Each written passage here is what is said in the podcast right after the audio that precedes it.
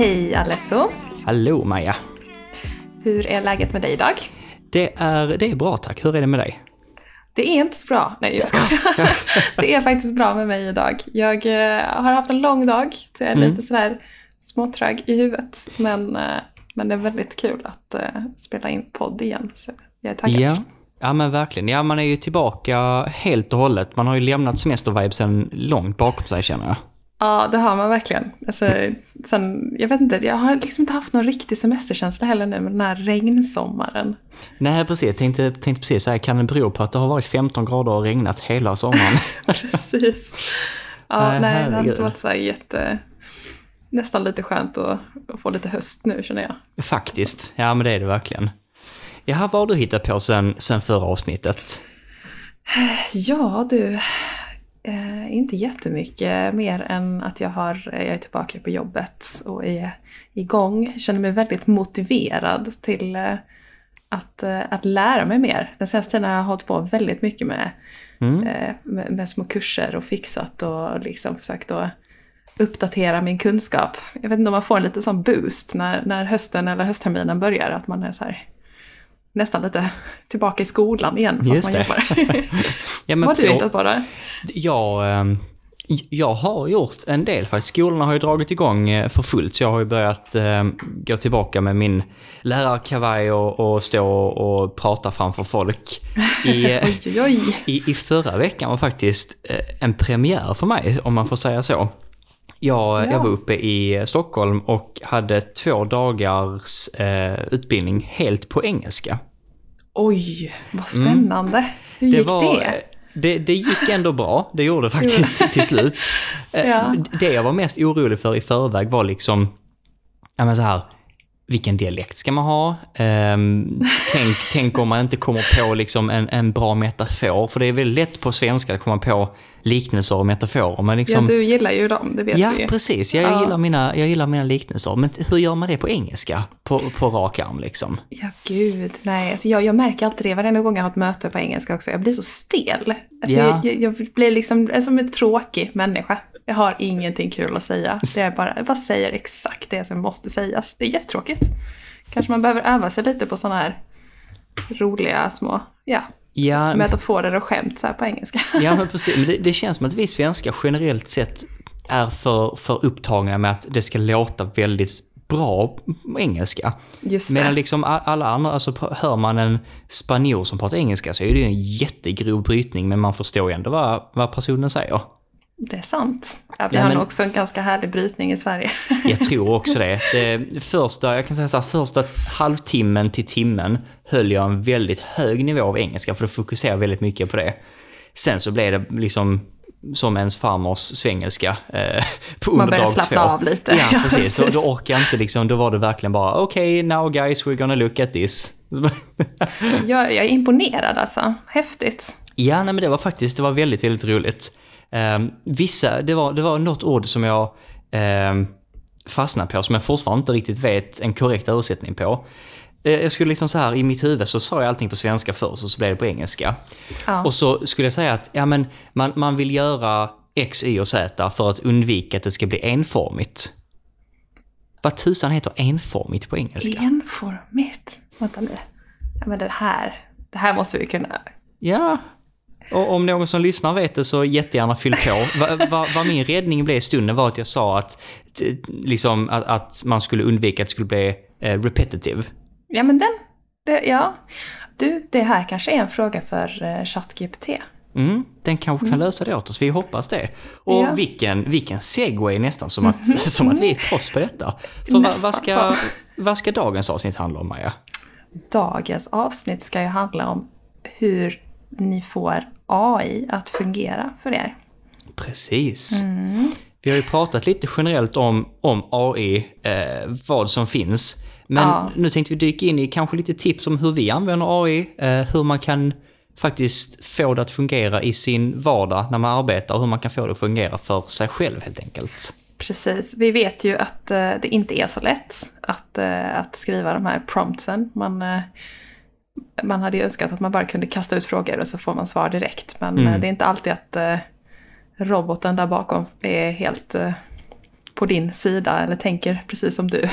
Nej, precis. Jag tror, jag tror en viktig sak att få iväg liksom direkt i början på avsnittet är liksom att, att man ska ju inte glömma att det är ju till slut en, en, en robot, en AI. Så mm. den kan liksom inte få med sig, säga, om, om du och jag pratar med så kan man ändå någonstans, man kanske vet med sig sannolikheten på det du med. Alltså, fan, nu försöker jag jag kommer inte riktigt på vad jag själv ska säga, jag kan inte formulera det på rätt sätt. Vi, vi, vi kan ju säga saker och lämna många saker mellan raderna. Ja. Och så förstår ändå den andra personen vad Precis. det handlar om. Men ja. AI förstår ju inte mellan raderna. Man kan väl tänka att det är lite, det är, det är lite avsaknad av känslor. Eh, mm. Vi, vi pratar om känslor, eller vi har våra referenser som, som vi alla liksom lite hänger med på. Så här, men men den, den kanske inte riktigt förstår eh, hur vi som, som människor pratar eller, eller känner eller beter oss och sådär. Just det, precis. Ja. Mm. Och jag har faktiskt en poäng jag vill dyka in i, men jag tänker vi tar den lite, lite senare. Mm, när vi kommer fram till, eh, för, för att det var en sak jag hörde på, på nätet i, i förra veckan som förklarade AI på ett väldigt, väldigt bra sätt. Oh. Eh, men jag tänker vi börjar väl kanske lite mjukt med vilka program det finns. Det finns ju mm. en, en uppsjö av program. Men vilka är några av programmen som du använder? Som jag använder? Jag använder ju eh, framförallt ChatGPT såklart, mm. det har vi pratat om mycket.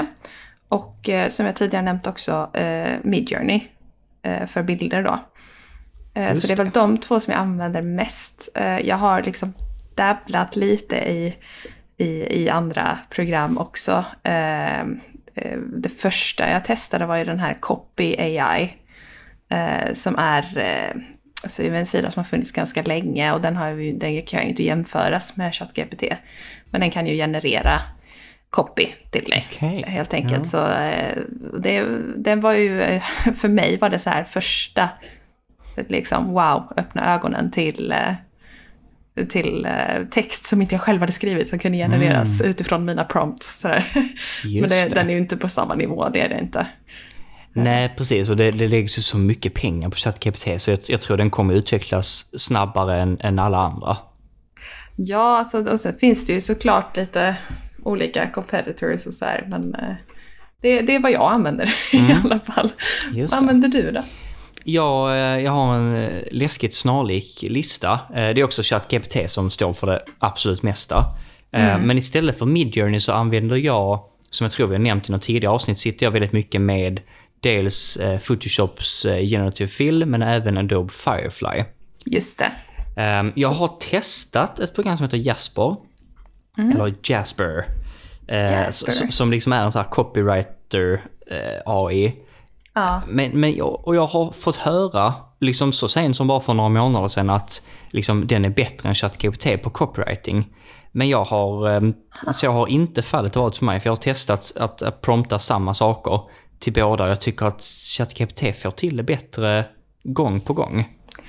Jag tror många gånger så är det så här också att det finns så extremt många olika val och det finns det ju av alla typer av hemsidor och, och sånt där. Det är internet är stort. Liksom. Mm. Så det, på något sätt så gäller det till slut att bara ja men välj, välj ett verktyg mm. och så mm. blir du riktigt bra på, på det. Liksom. Så blir du riktigt bra på att ge prompts till ChatGPT så har du det. Liksom. Mm. Eller till eh, Midjourney eller till Firefly. Så det, det, kan ju lätt bli too much även om det finns många verktyg som är sjukt bra. Just det, precis. Och hur är det, vet du det på rak arm? Um, Midjourney, kostar det pengar nu? Det gör det. Det gör det. det. Ja. Uh, inte jättemycket. Uh, jag tror det är väl cirka, usch, nu vill jag inte ljuga, men kanske 150 kronor i månaden eller något sånt där. Ja, det, alltså, använder man det mycket så är inte det superfarligt ju. Nej, jag tycker inte det. Alltså, jag använder det extremt mycket. Framförallt eh, som inspiration eh, till... Eh, jag har någonting i huvudet så kan jag inte riktigt sätta liksom, eh, exakt, så jag får inte en, en tydlig bild av det. Mm. Liksom. Så ibland kan det vara bra att bara så här, kasta ut lite prompts och så bara shit, det här var ju det var exakt så här. Liksom. Just det, precis. Uh, så jag genererar ju extremt mycket så inspirationsbilder uh, efter varandra. Och då mm. funkar det ju, då, då känner jag ju in på det. på ja. Vis. ja, men just det. Jag har faktiskt också varit med om att vid, vid en uh, liksom vid en införsäljning av ett videoprojekt att den här videografen vi pratar med eh, liksom hade gjort eh, Midjourney-bilder för att visa liksom scenerna han tänkte sig. Så istället för att bara förklara att vi står i ett rum där vi ser detta och detta och detta och det står en pojke och borstar tänderna framför spegeln. Så hade han promptat det och kunde visa liksom stillbilder från varje scen och det gjorde ju väldigt mycket mer Ah, förståeligt liksom för, som, som det. åhörare. Det är väldigt smart. Mm, så jag tänker det, där kan man ju också spara väldigt mycket tid om det liksom är i ett typ av pitch eller draftarbete där man ska eh, faktiskt sälja in ett arbete. Precis. Definitivt eh, för att liksom visa sin vision. Typ. Mm. Ja men precis. Och vi kan väl säga som så här att de stora skillnaderna, ehm, programmen vi mest använder, båda två använder ChatGPT och där är ju liksom för text först och främst. Eh, och Midjourney, Firefly, Generative Fill är ju för eh, bild. Eh, men vad skulle du säga om vi börjar med Midjourney? Vad tycker du att Midjourney är liksom exceptionellt bra på? Oh. Uh. jag... Uh. ja, alltså att, att eh, ta fram väldigt så här uh. fantasifulla liksom eh, eh, kanske inte äventyrs, ja men lite så. Eh, Bilder som, som man liksom, det känns nästan som att det, det hoppar rätt ut ur, ur hjärnan och det är lite, lite flummigt liksom. Det är lite den, den stilen av bilder som jag i alla fall får. Men jag vet ju också att den är väldigt bra på att generera alltså, eh, fotografiliknande bilder. Just det. Eh, Den senaste, version 5, är ju extremt bra på det. Alltså det har ju hoppats, varenda, varenda ny version har det ju hoppat som in i med, med hur duktig den är. Men alltså, ger man en prompt som eh, eh, liksom realism, eh, 4K, eh, photograph, alla de här, så, så, eh, så får man ju så, alltså det ser så äkta ut. Mm. Ja, det är så Det- häftigt. Ja, det är riktigt, riktigt fint. Och det, jag tycker den gör ett väldigt bra jobb på det här med, med ljussättning och, Mm. och, och bakgrunder och liksom en hel, en hel scen. Okej, häftigt. Hur, hur, hur måste du liksom... Promptar du på samma sätt som man hade gjort i ChatGPT eller är processen liksom annorlunda på något sätt? Den är lite annorlunda. Ehm, jag tycker den är lite mer saklig. Eh, lite så här... eh, skriv det man vill ha, komma, eh, någonting mer, komma. Alltså lite mer så här eh, rakt på sak. När jag pratar med ChatGPT så är det lite mer alltså att man kastar man kastar ut lite vildare meningar. Liksom. Eh, medans eh, eh, Midjourney så är det lite mer som du, du, måste, du måste säga exakt vad du, vad du vill ha för att du ska få det, annars så kommer du få något helt knäppt. Okej, så liksom inget så här fluff, fluff eh, med i, med i prompten? Nej, nej, och det- har man, eller jag har i alla fall märkt det. Att jag, jag har liksom testat så här eh, och skriva, eh, ja, nu det kan jag inte ens komma, typ ha en, en flicka som står på ett moln liksom. Och så tänker man att ja, ja, då kommer jag ju få en flicka som står på ett moln, det är enkelt liksom. Men nej, nej, då får jag en flicka som har typ så här molnfötter liksom. Eh, så att, så den, det är inte alltid att det... Men det är ju för att man kanske lämnar det lite för öppet. Mm, Så man får hellre... Ja, man får vara väldigt, väldigt specifik kanske. väldigt här. specifik, just det. Ja men precis, och där har jag känt liksom, jag har testat Adobe Firefly lite grann, absolut inte så mycket som jag, som jag egentligen vill. Ehm, Ja. den, den är häftig. Jag tycker att den, den är inte jättebra än. Nej. men jag, jag har mina chansningar. Hade detta varit ett hästlopp så hade jag lagt mina pengar på Firefly. Eh, Lite för jag tror att just det som att det är Adobe som äger det så är det ju bara en tidsfråga tills det här Generative Fill i Photoshop liksom uppgraderas och blir bättre och bättre och bättre och de kanske till slut liksom väver in deras, eh, deras AI helt och hållet i programmen. Just det. Så det är lite det jag ser, ser fram emot. Men det jag har använt mest av allt, det är faktiskt, när det gäller på bildsidan, det är faktiskt eh, generativ fill i Photoshop. Eh, och har man inte testat det, man måste, man måste ha mm, liksom betalplanen och ha Photoshop, eh, så kan man liksom ladda ner Photoshop Beta. Och där inne så får man upp en promptruta. Och det jag har märkt där som är absolut eh, smidigast, det är liksom eh, Vissa folk liksom visar det här att oh, man kan expandera bilderna hur stort som helst och göra jättecrazy saker. ja, det är, en, det är en cool sak, men jag som fotograf har märkt att jag har mest haft det som tidssparande verktyg. Mm. Det var ett foto av en kyrka nu när jag var i, i Makedonien, där det kanske var 30 personer framför kyrkan. Hade jag gjort det manuellt, ta bort dem, hade det tagit hur många timmar som helst. Men här gick det på fem minuter. Um, för jag, markerade varje människa individuellt för jag ville få det så noga som möjligt. Men liksom det hade man ju, jag hade ju aldrig orkat göra det om man skulle gjort allting för hand. Det är så smidigt. Det är super, super smidigt. Och man får ju alltid tre resultat. Um, det är inte lika bra som Midjourney där jag har för mig att man får väl fyra förslag ja, på varje prompt. Mm. Mm. Uh, men liksom till de här små sakerna så tycker jag att Generative Fill är fantastiskt bra. Dock så ska man såklart fylla i där att Generative Fill i Photoshop är jag skulle säga att det är AI för att förändra någonting som finns. Medan mm. såklart Midjourney är ju kanske mer då skapa något som inte alls finns. Precis. Um, ja, och det är såklart, man kan ju använda sig av uh, typ referensbilder i Midjourney också. Man kan länka till en bild som finns på nätet och så kan man få liksom liknande. Okay. Men det är ju aldrig, det är aldrig helt likt och det är inte, det är inte en ändring av en bild utan mer att den tar inspiration från den mm. bilden. Eller, sådär, eh, eller ett fotografi. Jag har någon gång eh, tagit in en bild på mig själv och så har jag bett den att göra mig i olika cartoon-grejer. Jag ville testa det. Mm, det, det ja. var ju definitivt inte så att den såg ut som mig. men det var lite roligt. Ja. Ja, men, men eh, jag, jag, kan väl tänka mig att Firefly är lite mer... Eh, ja, men det känns lite mer som ett användbart verktyg i jobbet då, liksom. Eller om man nu ska ha liksom någonting man behöver göra för att man ska vara effektiv. Ja men precis, jag tror men, också, ja. jag, jag, tror det är mycket det handlar om att bara egentligen effektivisera um, arbetet. Uh, man kommer nog alltid behöva, nu har jag som sagt inte testat Midjourney, men det känns som att man alltid ändå behöver fixa till det manuellt, kanske i Photoshop eller något liknande, att uh, mm. liksom rensa upp saker i bilderna kanske.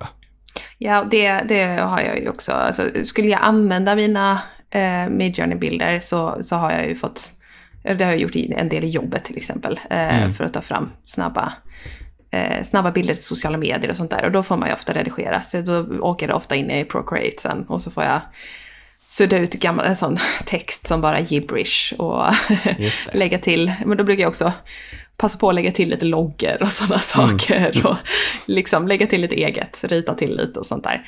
Ja, men precis. Så det är ju inte helt perfekt. Men använder man det som inspiration så spelar det ju ingen roll om, om handen har eh, sex fingrar. Liksom. Eh.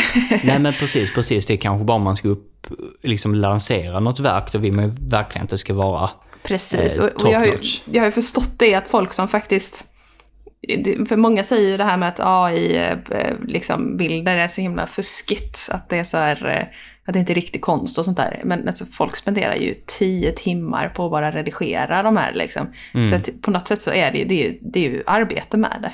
Ja, gud ja, såklart. Um, det är bara ja. olika kategorier. Jag menar, um, först var man tvungen att måla allting. Sen när väl första kameran kom tror jag nog det fanns konstnärer som sa att oh, det här är inte en riktig bild.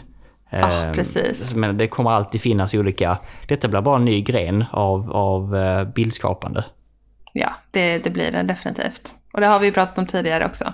Precis. Man bara måste anpassa sig till framtiden. Mm, ja men verkligen. Och jag tänker den vi kanske ska dyka in mest på idag är väl kanske ChatGPT. Mm. Um, för jag tror den man använder mest och den som lyssnar säkerligen kommer att använda sig mest av. Precis. Um, vi ska väl kanske dyka in lite grann på hur man promptar Mm. Vad det är vi tycker på, tycker på, vad det är vi tycker att man ska göra och tänka på när man eh, skriver in sina prompts. Eh, och för att förtydliga, om det är någon som inte har hängt med i svängarna, så en prompt, det är ju det du, du eh, skriver till AIn där då för att den ska ge dig alltså en, en fråga eller ett, ett, en direktion. Liksom. Just det, precis. Det är ju det, det du ger den. Jag undrar varför det heter någonting. prompt. Liksom varför heter det inte command? Alltså det känns som att någon måste ha suttit här och tänkt shit vad jag är kreativ som döpte till en prompt. Alltså command låter ju lite bossigt, gör det inte det? Ja, ja jo det gör det kanske det. Men vad, vad, är det man ska tänka på? Det finns ju massa olika saker. Um, det som ja. jag tänker liksom är det liksom mest basic man kan börja med är att vara tydlig. Mm. Att liksom sätt i, i mitt fall brukar jag vilja sätta det viktiga först. Liksom, och det ska gärna, enligt mitt tycke, vara liksom kortfattat. Eh, du ska skriva en text i en hemsida, punkt. Den ska vara i toppen av funneln, punkt. Det ska, alltså så att man verkligen ger den lite så här kommando att styras efter i början och sen så fyller jag på med lite fluffigare text för att mer liksom ge den en, eh, en, en bakgrund till vad den ska skapa. Precis, ja. Jag, eh, det, det är ju en sak som jag tycker är väldigt, väldigt bra med ChatGPT är ju just det här att det, det är ju en chatt. Alltså det, är, det är som ett, liksom, du öppnar upp en ny chatt och sen har du att det, du, du skriver någonting och så får du ett svar och så kan du fortsätta skriva på det här. Så att den mm. kommer ju ihåg det du tidigare har skrivit i den här chatten. Just det. Eh, vilket betyder att du kan liksom hela tiden alterera, typ, alltså ändra och fortsätta liksom utveckla det här. Så det, det bästa är ju då som du säger då, att starta ganska så här, strikt liksom. Mm. Starta väldigt så enkelt och sen bara fortsätta utveckla det och ge adda på. Ofta kanske det blir lite stelt i starten så kan man liksom be om, den om att göra det lite mer eh, friendly, liksom. lite mer vänskapligt eller lite mer eh, passande för, eh, för eh, eh, liksom avslappnat. Liksom, mm. Eller så här.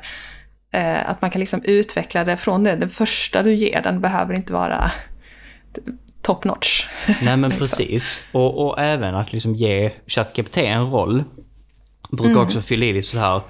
Du är nu en copywriter för eh, digitalt skapande eller du är nu en precis. social media marketer för digitalt skapande och du, ditt jobb är att göra X, Y eller Z. Mm. Så att man sätter in den i en, i en roll så att den inte bara liksom är sin egen lilla, eh, lilla chatt. Ja, det är ehm, faktiskt väldigt bra. Och, och liksom även att, att dela upp dem, att man faktiskt kan skriva till den, liksom man börjar med en prompt och att man skriver in i första prompten något stil med att eh, du ska först bekräfta att du har förstått din ursprungliga prompt, sen kommer jag förklara för dig vad du ska göra. Efter det så ska du, ja hur, hur man kan bygga upp detta hur, hur svårt man vill. Eh, mm. Så i vissa fall har jag som första prompt bara beskrivit för ChatGPT vad den ska vara. Eh, mm. Eh, liksom, du ska nu vara en copywriter, du jobbar för det här företaget, företaget har denna och denna tonen. Ditt jobb är att göra detta, detta detta. Eh, bekräfta att du har förstått vem, vem du är och vad du ska göra innan mm. jag fortsätter prompten i nästa, eh, i nästa steg. Och så säger de så, det jag uppfattat, jag är den här och den här personen, eh, jag är nu redo att ta emot prompten.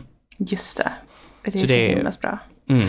Jag, eh, jag brukar också ibland starta med, eh, för det är inte alltid att den är så uppdaterad. Jag använder ju inte ChatGPT 4 utan, utan 3 fortfarande, den gratisversionen. Mm. Den har ju bara tillgång till liksom, 2021 internet. Fakta fram till 2021.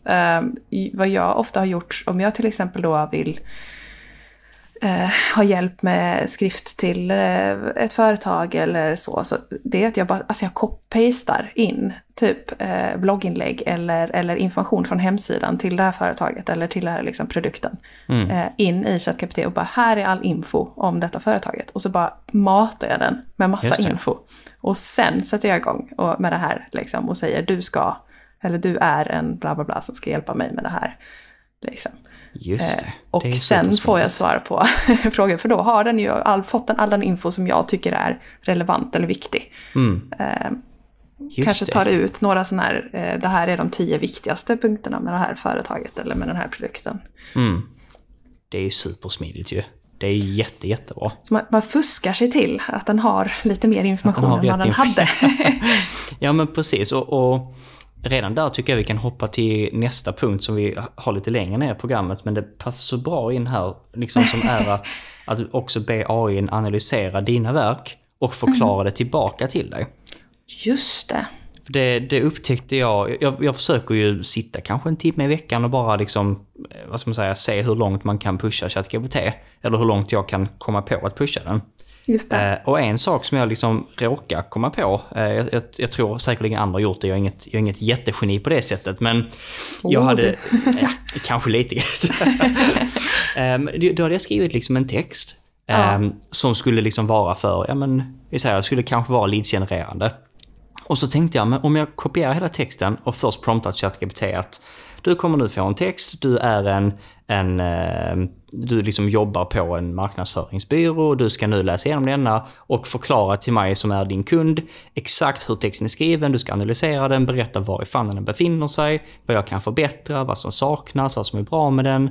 Eh, Ja. Och så analysera den texten och förklara tillbaka till mig. Um, och det var jättesmidigt för då, säg i det här fallet, eller i vårt exempel, så kanske ChatGPT hade sagt texten är eh, för en brand awareness eh, del av tratten.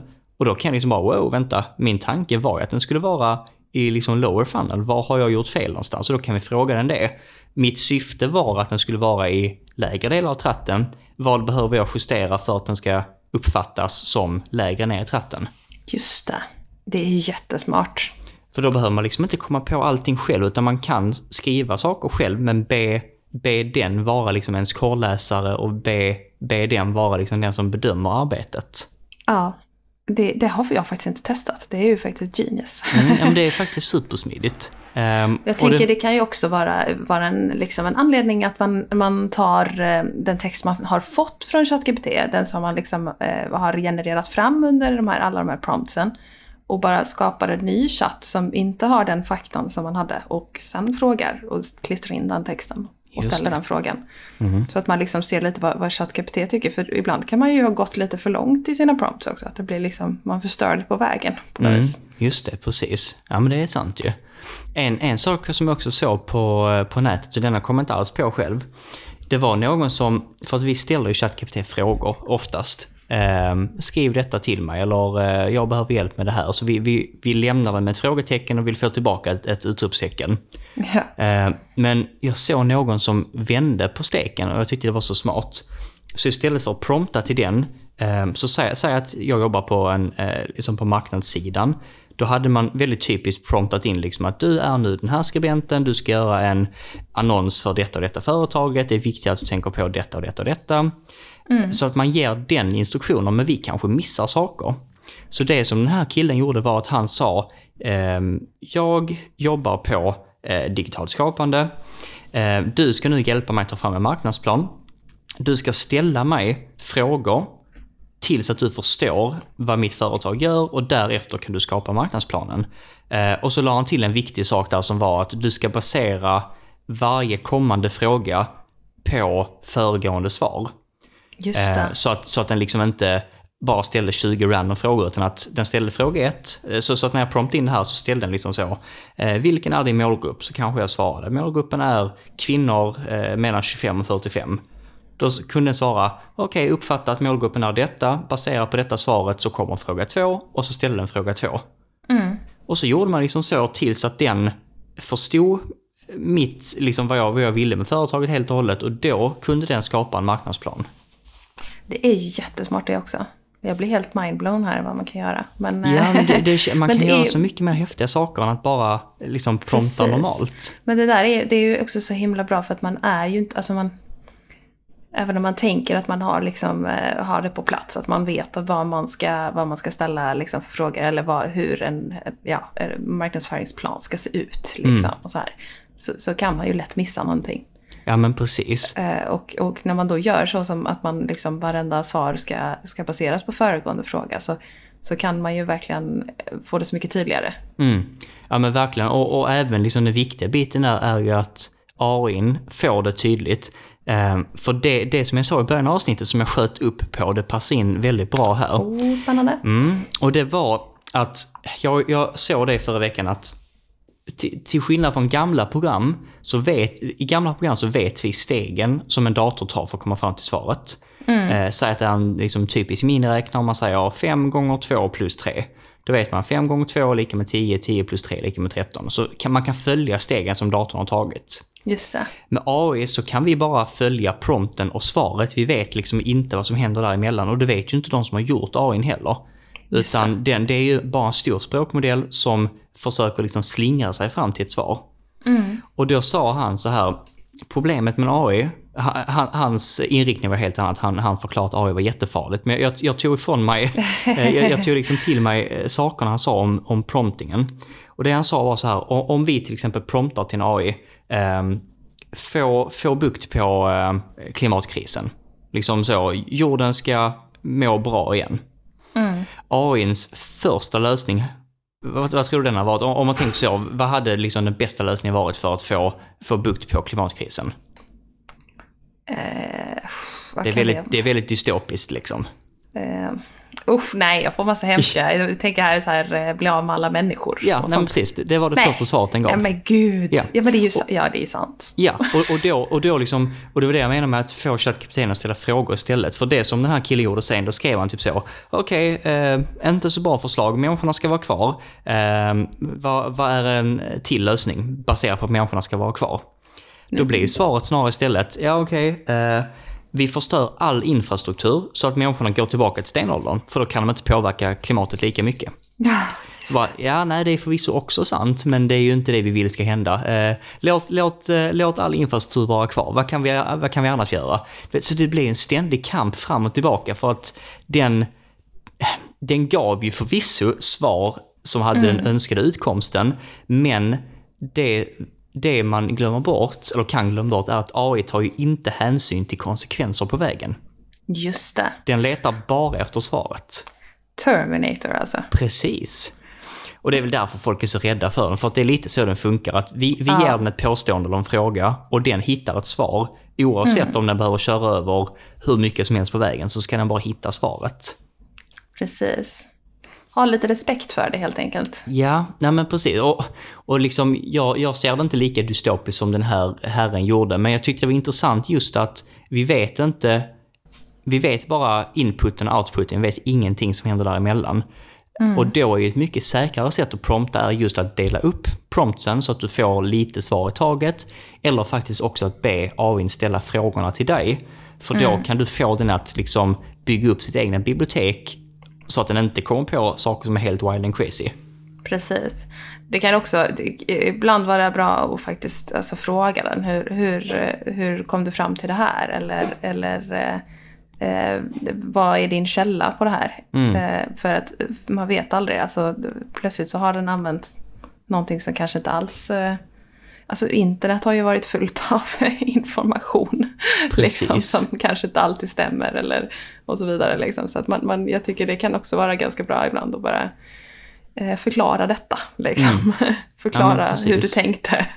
Och jag har också hört att, nu, jag hoppas de har fixat detta, men liksom att innan att ChatGPT kunde ge dig ett påstående som var falskt och så man en Ja. källa. Och då kunde den liksom hitta det så, en sida sa de här tre orden i följd och så den, en annan sida sa dessa två orden i följd. Så den liksom, den, den hittade källor som, liksom som var låtsaskällor som på något sätt byggde ihop påståendet Ja. den hade sagt. Jag jag har, jag har förstått det som att eh, det var, det var ju någon som råkade illa ut vad det nu var. Men eh, som hade använt ChatGPT för att skriva en text och ta fram källor där källorna faktiskt inte fanns. Eh, och det kan ju gå illa. eh, man ska ju passa sig. Eh, Ja, det ska man verkligen göra. Och, och det är väl också därför jag tycker i dagsläget så är ju AIn... Jag hade ju aldrig promptat till ChatGPT och sen bara tagit texten och skickat iväg. Utan det, det ska ju absolut ha överseende av en människa först. Och sen, ja precis, man kan ju skrämma er som, som gör det. eh, Att eh, vi som, som är inne på ChatGPT mycket, vi känner ju igen de här eh, metaforerna nu vid det här laget. Eh, Ja, men precis. det, det, det, jag, jag har läst en del blogginlägg med, med typ samma typ av så här, ja, sätt att prata på och samma typ av metaforer och liknelser och så här. Som är, så- det är så tydligt att det är ChatGPT. Ja, men precis. Jag, jag tycker väl, det är väl också där liksom hur det faktiskt effektiviserar arbetet. För det är det jag tycker man ska lägga på minnet, att det ska effektivisera, inte ersätta. Ehm, och och det, det gäller ju så mycket som det gällde i vårt, någon av våra första avsnitt där vi sa att det kommer inte ersätta våra arbeten, det kommer effektivisera. Så måste man även tänka på det på andra hållet, att du kan inte ersätta, liksom, du kan inte bara koppla bort dig själv helt och hållet. Utan Nej. du, du får se detta som ett sätt att snabba upp ditt arbete på. Ehm, för att ofta ger ChatGPT texter som är någorlunda bra, men de saknar liksom substans, de saknar själ. Och det är där vi som människor väldigt bra kan lägga in, ja, men kan lägga in lite substans i texten helt enkelt. Exakt. Och jag tänker, är det något annat sätt du använder på, eller något tips du kan ha för att effektivisera? Ehm, liksom vilka real, real world cases kan man ha? Mm, ja, alltså den, den för mig eh, vanligaste sättet att använda det på är ju att alltså, oftast har jag en idé om Mm. någonting. Alltså, eh, jag vill skriva om. Jag, jag är ganska sån här id- idésprutare för det mesta. Men jag kanske inte vet hur jag ska, hur jag ska liksom, eh, lägga det, sätta det på papper direkt. Mm. Eh, och det gäller, det gäller både för ChatGPT och det gäller för eh, Midjourney. Alltså att eh, ge, ge idén som jag har. Och sen be den, be den både förklara min idé och, och lite så här eh, ge- liksom, ge mig förslag på hur jag kan utveckla min idé. Och sen, eh, jag till exempel då om jag ska skriva ett blogginlägg och så låt den ge mig eh, tydliga liksom så här titlar för det här blogginlägget. Och ungefär några punkter för vad man kan ta upp. Mm. Eh, och lite sådär. Eh, har man ingen idé om man plötsligt har idétorka så är ju också sjukt bra att bara fråga den om den kan ge en massa idéer på, på ett tema. Liksom. Just det, Eh, precis. och, och där igen är det ju det här eh, till exempel då när jag har lagt in eh, massa information från ett företag, ett specifikt företag, kanske där jag jobbar. Eh, jag har lagt in eh, typ all info som vi har haft på hemsidan. bara copy-pastat och bara klistrat in. Här har vi det här företaget och så har jag bara klistrat in, klistrat in, klistrat in. Och sen, eh, jag ska skriva ett blogginlägg om bla bla bla. Eh, ge mig outline för det här. Och, och då är det bara så här direkt och så får jag skitbra idéer. Eller, eller ge mig idéer på vilka blogginlägg jag ska skriva som passar till det här för att vi ska synas. Liksom. Mm. Typ så. så har man ju plötsligt jättemycket idéer. Så kan man bara checka av det sen. Just det. Nej men det, det är jäkligt sant och det är väl kanske också... Det låter som, som samma sätt som jag ser på ChatGPT att det, vi, vi snabbar upp, eller egentligen kanske till stora delar eliminerar liksom första och kanske till och med andra draftet på saker.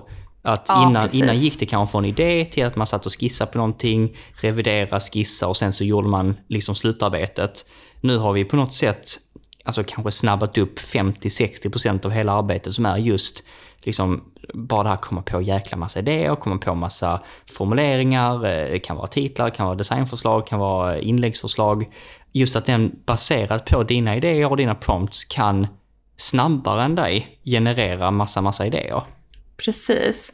Och det är väl lite så här, man kan generera väldigt mycket idéer men man, man kan, för det första kan man inte copy-pasta in bara rätt in och är man färdig som vi har sagt. Det är också den här att eh, det kan lätt bli väldigt filosofiskt eh, emellan där för att, för att man får ju ingen riktig alltså så här, fakta med källor liksom.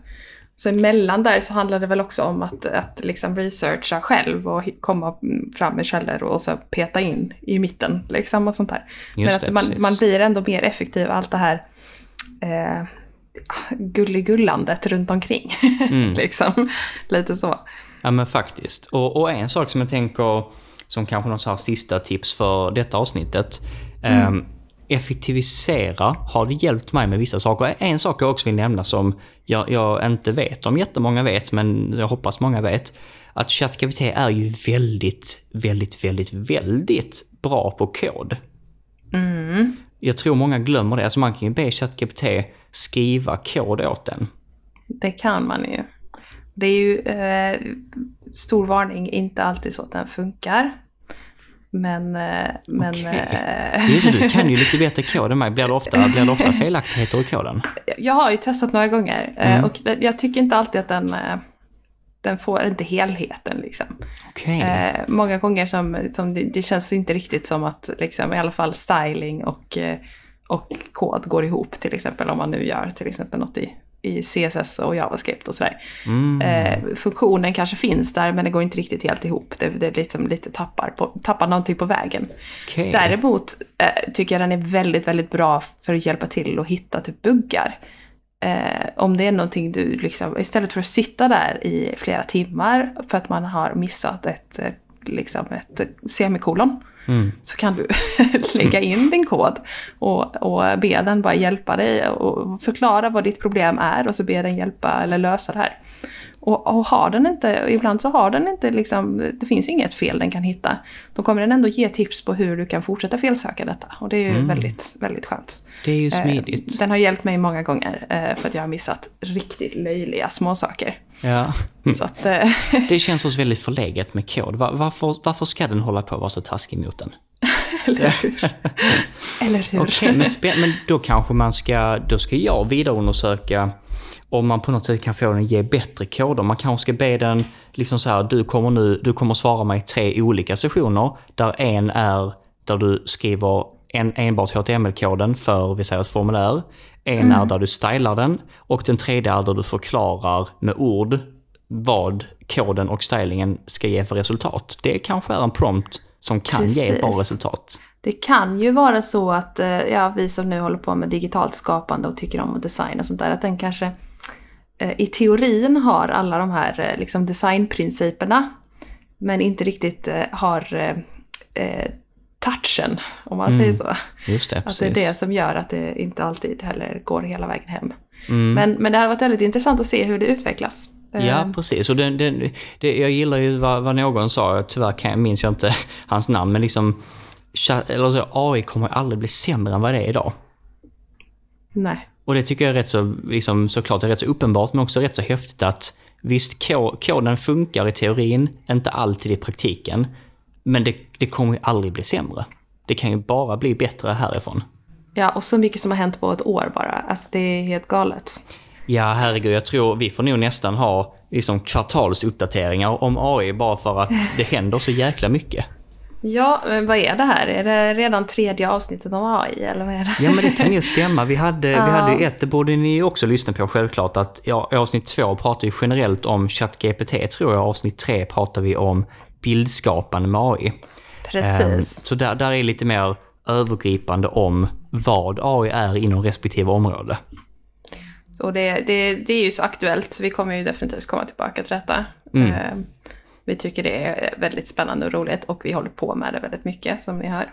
Ja men precis, och, och liksom det, det är ju med på vår digitala resa i vårt digitala skapande och det, det hjälper oss att bli snabbare och bättre på vårt jobb. Precis. Och eh, vad ska vi prata om nästa gång då? Nästa gång ska vi faktiskt prata om något helt annat, men kanske ändå lite liknande. Vi ska, vi ska prata om något så enkelt som enkelt att förstå. Enkelt. Precis, enkelt att förstå. Och med det menar vi att saker som du skapar ska vara enkelt för tittaren, läsaren, lyssnaren att förstå. Och vi ska dyka in lite mer i hur man faktiskt, ja, men hur man faktiskt skapar saker som är enkla att förstå. Spännande! Verkligen. Och innan vi wrappar upp den här sessionen helt och hållet, så självfallet så är ni ju alltid välkomna att höra av er om ni har frågor, funderingar eller tankar. Och då är det ju till dspodden at gmail.com som man kan höra av sig till. Please do! Eller skriv till oss på eh, LinkedIn. Just det, precis. Eh, och, och såklart även där, om man har tankar om, om, eh, om vi borde posta någonting mellan avsnitten, liksom feel free to, to skriva det. Eh, så, så tar vi absolut till oss vad vi kan posta emellan avsnitten. Vi eh, tycker jättemycket om att höra eh, vad, vad ni har för tankar om vad vi har pratat om. Eller om ni har klagomål eller... Precis, alla klagomål dirigeras till, till Maja. Vet, det vet ni vid det här laget. men men, är, är det ja. kanske den här AI, AI-sessionen? Eh, det är det. Ja, det, Mm. det gick undan idag också, men vi är ju tillbaka igen nästa tisdag tror jag att det blir. Och då kommer vi prata om enkelt att förstå hur man skapar enkla designer. Ja. Vi, Tack, vi hörs då. eh, tack för idag. Ja, tack själv, hej hej! Hej då.